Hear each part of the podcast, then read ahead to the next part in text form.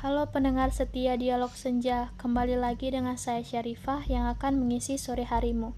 Hari ini saya akan menyediakan berita-berita terup to date dan menarik untuk Anda.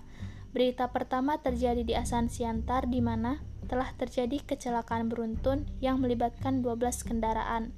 Dan yang kedua, kita akan beralih ke Medan di mana tolak HRS, ratusan orang lakukan aksi penolakan di Medan.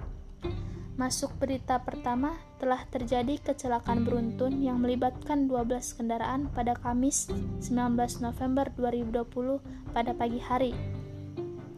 Tragedi kecelakaan beruntun ini terjadi di Jalan Asahan Siantar, kilometer 4 Simpang Karanganyar, Kabupaten Simalungun, Sumatera Utara.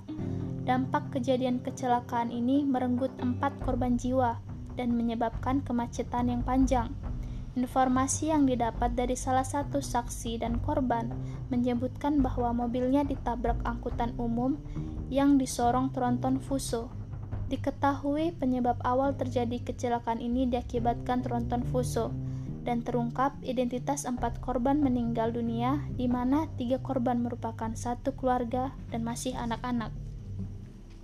Dan kita beralih berita kedua di mana tolak HRS ratusan orang lakukan aksi penolakan di Medan. Laskar Front Pembela Pancasila atau FPP menyatakan sikap untuk menolak kedatangan petinggi Front Pembela Islam atau FPI. Mereka menggelar aksi di depan kantor Pemprov Sumatera Utara di Medan Jumat 20 November.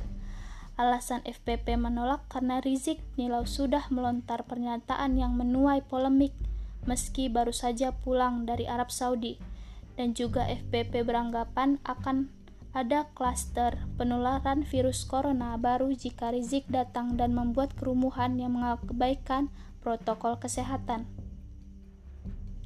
Dalam aksi ini, masa membawa sejumlah spanduk berisi tuntutan penolakan terhadap Rizik.